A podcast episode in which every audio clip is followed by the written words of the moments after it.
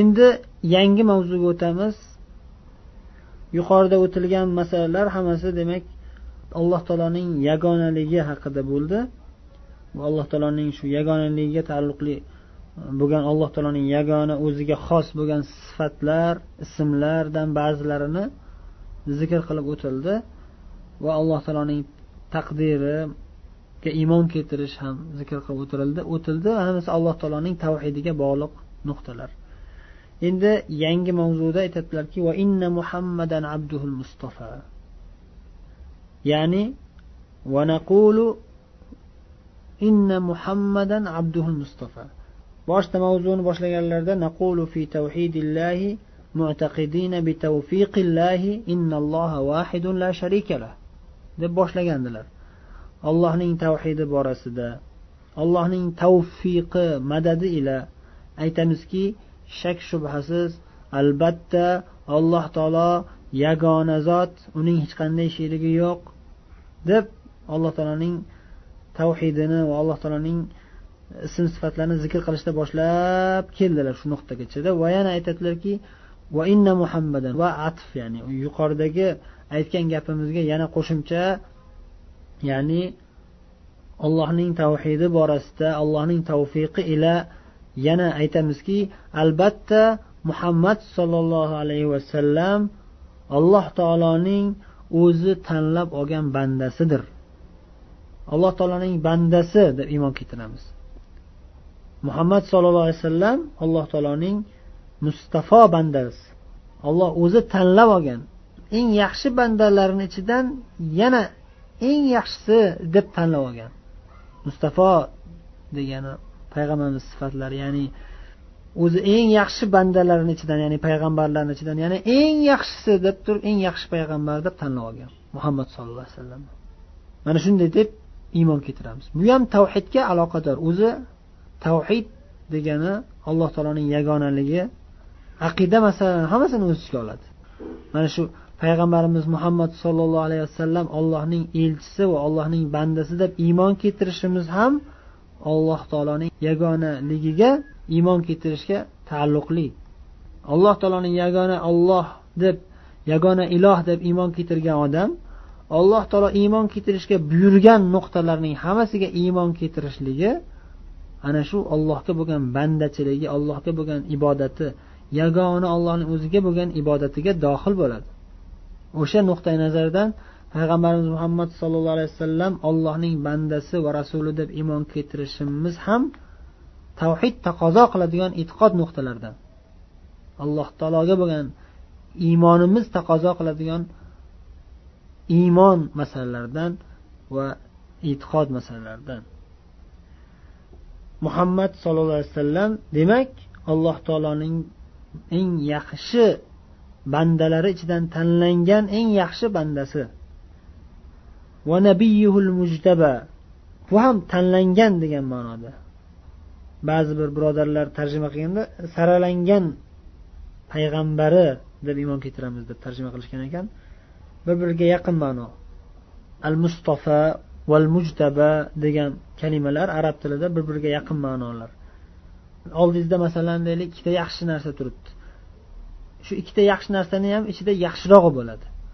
Shu eng yaxshirog'ini tanlab olishingiz istifo istifo yoki ijtiba ijtibo deb aytiladi arab tilida. Tanlab olish. Ya'ni birinchisida aytiladiki mustafo dedilar. Muhammad sallallohu alayhi vasallam mustafo allohning o'zi olloh o'zi tanlagan bandasi.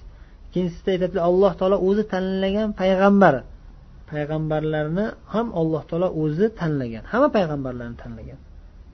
Odamlarni ichidan saralab turib ajratib eng yaxshi bandasi sifatida payg'ambarlarni tanlagan alloh taolo. Va rasuluhul murtabo alloh taolo o'zi ulardan undan rozi bo'lgan rasul elchi. Alloh taoloning elchisi muhammad ibn abdulloh sollallohu alayhi vasallam quraysh qabilasidan bo'lgan banu hoshimdan bo'lgan ibrohim alayhissalom ismoil alayhissalom avlodidan chiqqan muhammad degan buyuk inson ollohning rasuli. Olloh undan rozi bo'lgan. Alloh taolo o'zi bu bandasidan rozi bo'lgan. Allohning rasuli deb iymon keltiramiz. Mana shunday deb aytamiz e'tiqod qilgan holimizda shunday deb iymon keltirgan holimizda mana shu so'zlarni aytamiz mana shunday deb aytamiz deyaptilar. Muhammad sollallohu alayhi vasallam ismlari ko'p. Muhammad degan ismlari bor ahmad degan ismlari bor bir hadisda rasululloh sollallohu alayhi vasallam aytadilarki ana muhammad va ana ahmad va ana al mahi alladhi yamhu allohu bi al kufr yoki yumha bi al kufr deganlar وأنا الحاشر الذي يحشر الناس على عقبي وأنا العاقب والعاقب الذي ليس بعده نبي من محمد من من أحمد من degan ya'ni muhammad va ahmad degani maqtalgan va eng ko'p maqtalgan degan ma'noda. Meni otim ahmad dedilar va muhammad dedilar. Val mahi al mahi degan ismlari ham bor ya'ni bu degani o'chiruvchi. Alloh taolo men sababli kufrni shirkni o'chiradi yo'q qiladi degan. Alloh taolo men sababli kufr va shirklarni yo'q qiladi. Ya'ni men yo'q qiluvchi o'chirib tashlovchi odamman. Olloh men bilan men tufayli meni sababchi qilib kufrlarni o'chirib tashlaydi. Zalolatni yo'qotadi deganday. Va anal hashir men hashirman. Hashir degani ya'ni to'plovchi deganday. Yoki qaytadan jamlovchi degan ma'noga yaqinroq. Yuhsharunnas ala aqibi. Nimaga bunda hashir to'plovchi yoki jamlovchi deb aytilyapti. Nimaga? Chunki odamlar mendan keyin hashrga to'planadi. Arzi mahshar mahshar yeriga to'planadigan qiyomat maydoniga mendan keyin kelishadi. Men birinchi bo'lib kelaman. Men birinchi bo'lib qayta tirilaman degan ma'noda aytyaptilar. Aqib men oqibman eng oxirgi payg'ambarman degan. Undan keyin payg'ambar bo'lmagan degan. Demak payg'ambar sollallohu alayhi vasallam otlari muhammad va ahmad va boshqa otlari ham bor. Eng mashhur otlari muhammad dadalarini otlari abdulloh bobolari ya'ni dadalarining dadalari abdul muttalib undan keyin hoshim va hokazo ketaveradi nasablari qurashiy banu hashim quraysh qabilasini banu hashim hoshim avlodidan. Quraysh qabilasi esa ismoil avlodi. Ismoil ibn ibrohim alayhissalom avlodi quraysh qabilasi. Ismoil alayhissalom esa buyuk mashhur payg'ambarlardan. Otalari ibrohim alayhissalom ambiya payg'ambarlarning otasi ya'ni keyin ibrohim alayhissalomdan keyin kelgan payg'ambarlar hammasi ibrohim alayhissalomni zurriyotidan bo'lgan. Payg'ambarimiz sollallohu alayhi vasallamning ismlari hammasi buyuk ma'nolarni o'z ichiga oladi. Va o'sha ma'nolar payg'ambarimizga to'g'ri keladigan sifatlar. Ham ism ham o'sha ism ma'nosidagi sifatlar payg'ambarimizni sifatlari. Ma'nosi yo'q ot emas. Masalan ba'zi bir odamlarni oti chiroyli bo'ladi ma'nosi ham chiroyliyu lekin u odamga to'g'ri kelmaydi. Ma, otining ma'nosiga ismining ma'nosiga mos munosib odam bo'lmaydi. Chiroyli ot qo'yiladi lekin yoki chiroyli laqab qo'yiladi lekin yolg'on bo'lib qoladi. U amalda unaqa bo'lmay qoladi ba'zilar.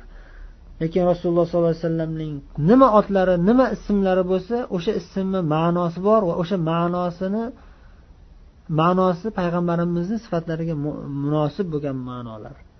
Ya'ni masalan muhammad degan otlari maqtalgan degan. Ya'ni maqtashga arziydigan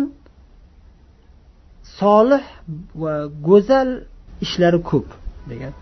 Go'zal so'zlari go'zal sifatlari axloqlari oliy axloq go'zal chiroyli odoblari ko'p. Va shu bilan birga maqtalgan insonda e, nomlanishliklariga yarasha u kishini maqtaganlar ham juda ko'p. Balki insonlarni balki butun butun koinotdagi bandalarni maxluqlarni ichida eng ko'p maqtaladigan va eng ko'p maqtashga arziydigan va maqtovchilari eng ko'p bo'lgan inson allohning bandasi shu faqat muhammad sollallohu alayhi vasallam. Rasululloh sollallohu alayhi vasallam muhammad ibn abdulloh abdullohning o'g'li muhammad sallallohu alayhi vasallam ham ollohning oddiy bir bandasi. Inson. Faqat barcha bandalarni ichida eng yaxshisi eng yaxshi eng mukammal banda alloh taologa bandachilikni eng mukammal suratda bajargan inson shu kishi bo'ladilar. Alloh taologa haqiqiy bandalik sifatini eng mukammal suratda ado eta olgan boshqalarga nisbatan eng mukammal suratda ado eta olgan banda eng mukammal banda muhammad sollallohu alayhi vasallam bo'lganlar. Shuning uchun ham alloh taolo muhammad sallallohu alayhi vasallamning eng buyukli sharafli martabalarini zikr qilganda bandalik sifati bilan sifatlab zikr qilgan.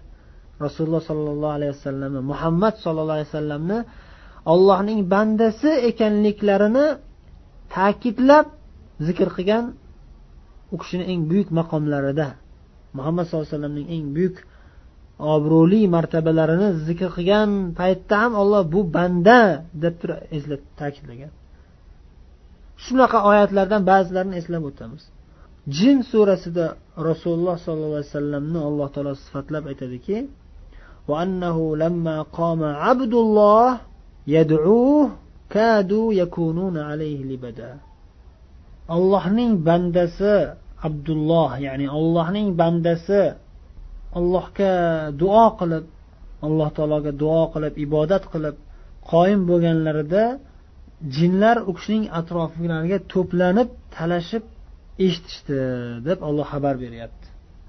Ya'ni alloh taologa ibodat qilayotganliklarini xabar beribdi. Allohning bandasi deb aytyapti.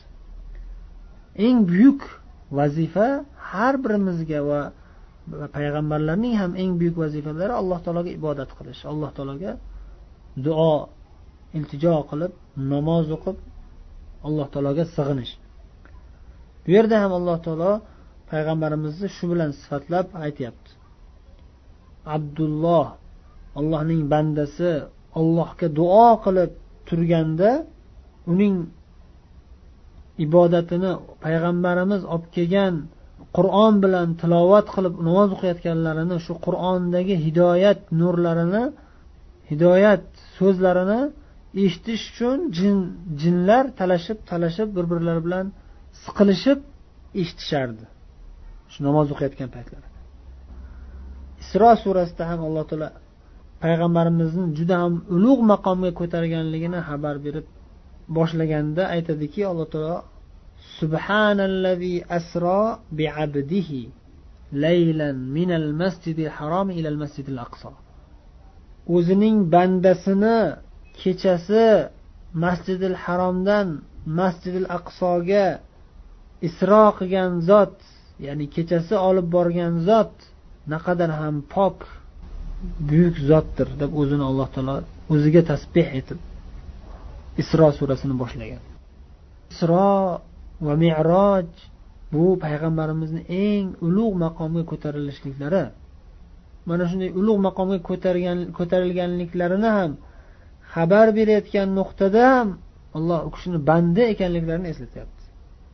Qur'oni karim eng buyuk mo'jiza qur'oni karim payg'ambarimizga berilgan eng buyuk mo'jiza va shu qur'oni karim mo'jizasi bilan payg'ambarimiz sallallohu alayhi vasallam juda ulug' maqomga musharraf bo'lganlar. Mana shu qur'oni karimni payg'ambarimizga nozil qilganligini xabar bera turib ham alloh taolo payg'ambarimizni banda ekanliklarini yana eslatgan.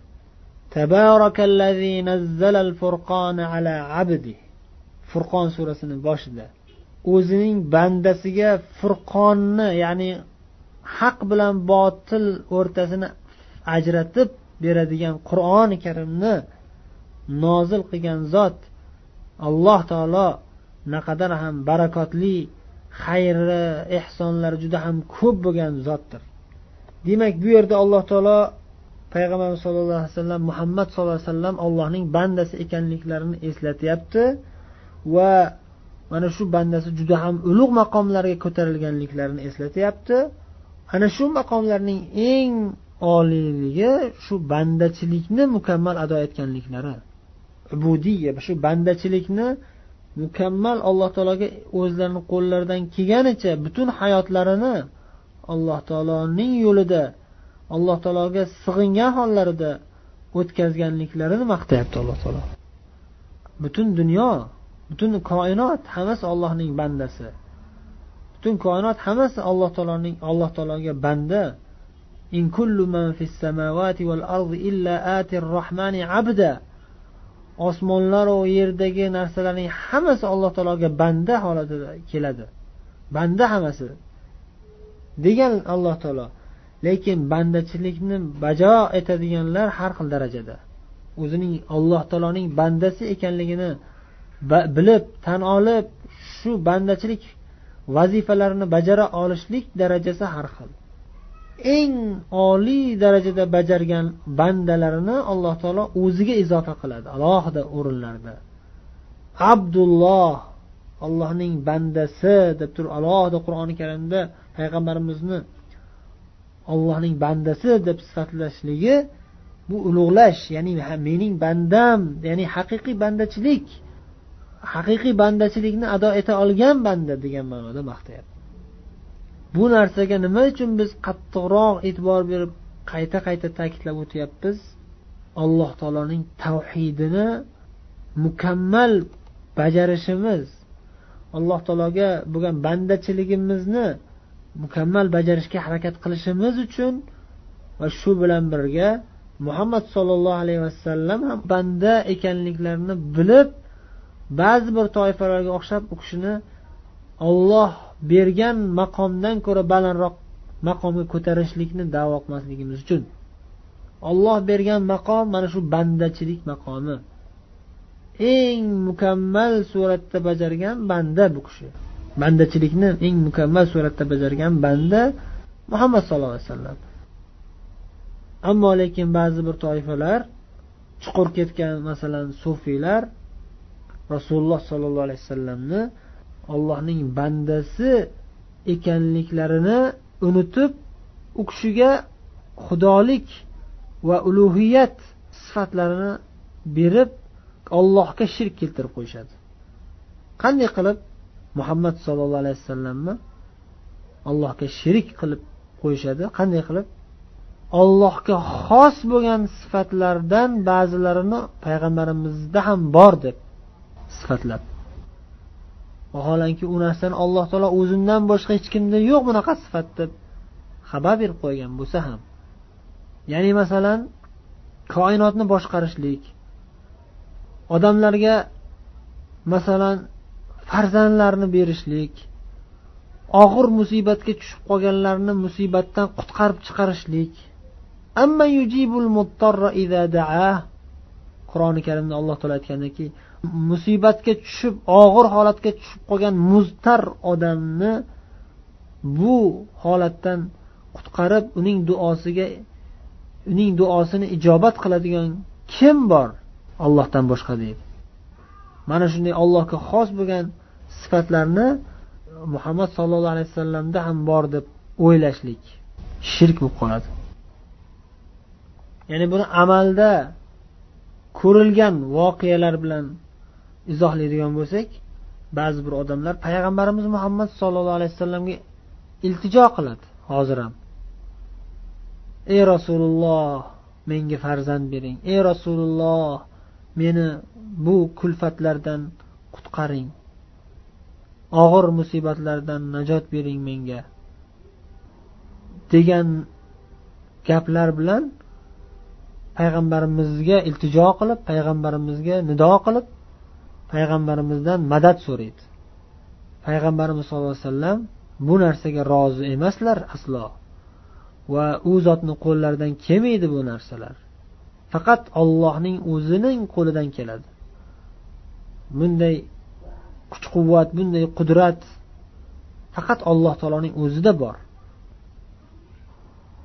Endi payg'ambarimiz sollallohu alayhi vasallamning banda ekanliklarini bilgan bo'lsak shu bilan bir qatorda u kishining payg'ambar ekanliklarini ham birga zikr qilamiz doimo.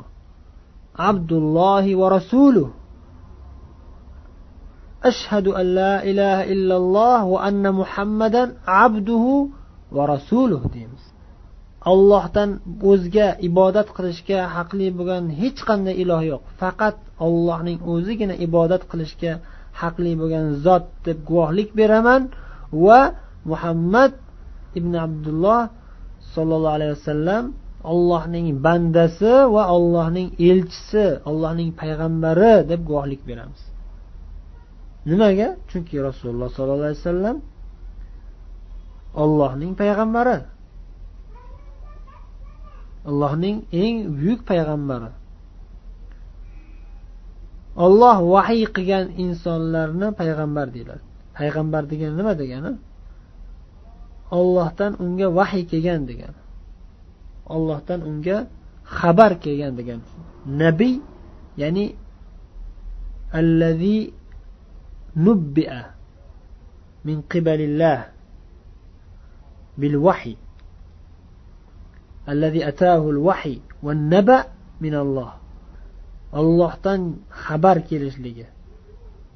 Ollohdan vahiy ya'ni maxfiy suratda odamlarga ko'rinmaydigan bilinmaydigan suratda ollohdan vahiy kelishligi bu nubuva payg'ambarlik.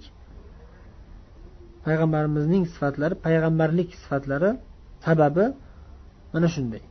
Ollohdan u kishiga vahiy kelgan. Alloh taolo aytganda inna avhayna ilayka kama avhayna ila nuhin van nabiyina min ba'di. Alloh taolo qur'oni karimda aytadiki albatta biz sizga ham vahiy qildik xuddi nuhga vahiy qilganimizdek va nuhdan keyin kelgan payg'ambarlarga ham vahiy qilganimizdek sizga ham vahiy qildik deydi alloh taolo. Ya'ni alloh taolo men sizlarga ey payg'ambarlar ya'ni ey muhammad va barcha payg'ambarlarga men vahiy qilganman ya'ni xabar yuborganman risolat yuborganman degan ma'noda xabar bergan alloh taolo payg'ambarimiz muhammad sollallohu alayhi vasallamga. Alloh taolo qur'oni karimda muhammad sollallohu alayhi vasallamga bir qancha oyatlarda nido qilganda ya ayyuhan nabiy deb nido qiladi. Ey payg'ambar deb nido qiladi. Yana ikkita oyatda ya ayyuhar rasul ey elchi deb nido qilgan. Ey ollohning elchisi degan ma'noda. Yana bu surada alloh taolo aytadiki payg'ambarimizga xitob qilib قل يا أيها الناس إني رسول الله إليكم جميعا أعراف surasida bir yuz ellik sakkizinchi oyatda alloh taolo aytyaptiki ayting ey rasululloh ey muhammad sollallohu alayhi vasallam aytingki ey odamlar albatta men ollohning sizlarga yuborgan rasuliman men ollohning rasuliman ilaykum Ya'ni meni alloh taolo sizlarga yubordi jamia hammangizga. Alloh taolo meni sizlarning hammangizga yuborgan ollohning rasuliman deb ayting deb olloh payg'ambarimiz muhammad sollallohu alayhi vasallamga buyuryapti. Yana bir oyatda aytadiki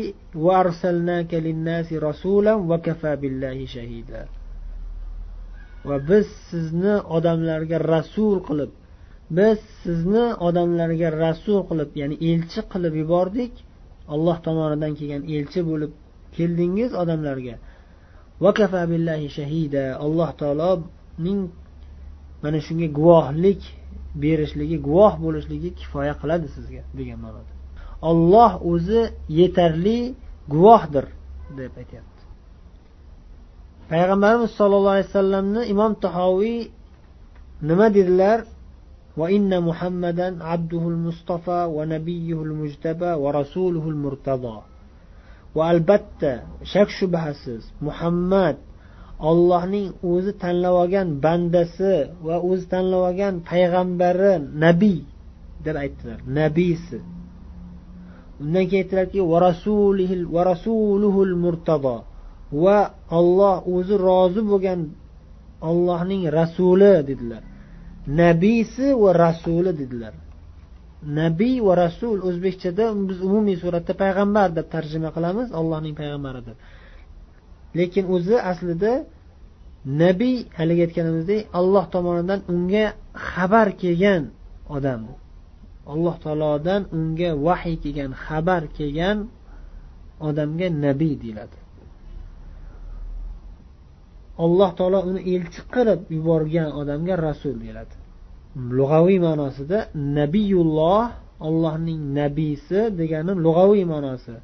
Ollohdan unga xabar kelgan degani rasululloh desa olloh uni elchi qilib yuborgan degani endi qanday farqi bor? Voqeda qanday farqi bor? Voqeda nabiy bilan rasulni farqi bor. Alloh taolo o'zi ajratgan farqi borligini ya'ni nabiylik sifati alohida sifat rasullik sifati alohida sifat ekaniga ishora qilgan alloh taolo qur'oni karimda.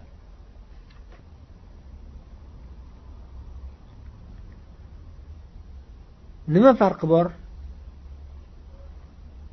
Qur'oni karimda shu narsaga ishora qilingan shuni tafsirida ulamolar keyin boshqa oyatlarni va hadislarni kuzatib yaxshilab o'rganib chiqishgandan keyin nabiy bilan rasulni o'rtasidagi farqiga quyidagicha xulosa qilishgan. Alloh taolodan unga xabar kelgan vahiy nozil bo'lgan nabiy birinchi darajalik desak ya'ni payg'ambarlarning darajalari umumiy payg'ambarlarning darajalari nubuvvat darajasi. Undan keyin oliyroq darajasi risolat darajasi. Har bir rasul ham nabiy bo'ladi ham rasul bo'ladi. Alloh taolo qaysiki payg'ambarni rasul deb sifatlagan bo'lsa ana shu payg'ambar ham rasul va ham nabiy bo'ladi. Chunki unga ham alloh taolodan xabar kelgan va hamda alloh taolo uni san elchisan deb turib elchilik vazifasini ham yuklagan. Ammo lekin hamma nabiylar ham rasul darajasiga ko'tarilmagan. Nabiylar juda ham ko'p. Ularning hammalari ham rasul darajasiga ko'tarilishmagan. Olloh o'zi xohlagan odamni nabiy qiladi va shuningdek ana shu nabiylardan olloh o'zi xohlaganini rasul darajasiga ko'taradi. Nabiylik darajasiga yetishgan alloh taolo yuborgan xabarni o'zining qavmiga ta'lim berganda u qavm bu payg'ambarga iymon keltirishadi. Va ularga qarshiligi qattiq bo'lmaydi. Shunday tarixga qaralganda o'rganishganda aksar nabiylarning qavmlari ularga qattiq qarshi chiqmagan. Iymon keltirishgan desak aksariyati qavmlarining aksariyati ularga iymon keltirardi. Ularga og'ir musibatlar kelmasdi ya'ni. Keladi musibat imtihon hamma payg'ambarga bo'ladi. Lekin rasullarga bo'ladigan darajada og'ir bo'lmagan. Rasullarga bo'ladigan og'ir qiyinchiliklardan biri ularning qavmlari qattiq qarshilik bildirardi va juda qattiq qarshi kurashardi kofirlar. Mana shu rasul bilan nabiyning orasidagi farqlardan biri. Ya'ni nabiy bo'lgan payg'ambarlar da'vat qilishganda da'vatlarini qabul qiladiganlar ko'p bo'lardi va ularga qarshi kurashadiganlar kam bo'lardi. Bu ko'pincha ya'ni har doim ham shunday bo'lavermagan lekin aksar holatlarda shunday. Ammo rasullar allohning rasullari o'z qavmlarini da'vat qilishganda u kishi ularga qattiq qarshilik ko'rsatadigan kofirlar bo'lardi ko'proq bo'lardi. Va shu bilan ularga musibat og'ir bo'lardi ularga vazifa og'ir bo'lardi va ular ollohning yo'lida juda ham oliy darajada xizmat qilib sobit qadam turishardi. Va shuning uchun ham ularning darajalari oliyroq maqomda bo'lgan. Demak nabiy va rasul orasidagi ba'zi bir farqlar mana shu. Nabiy umumiy payg'ambarlarning birinchi darajasi birinchi e, maqomi. Undan oliyroq maqom balandroq daraja rasullar yetishgan daraja risolat darajasi.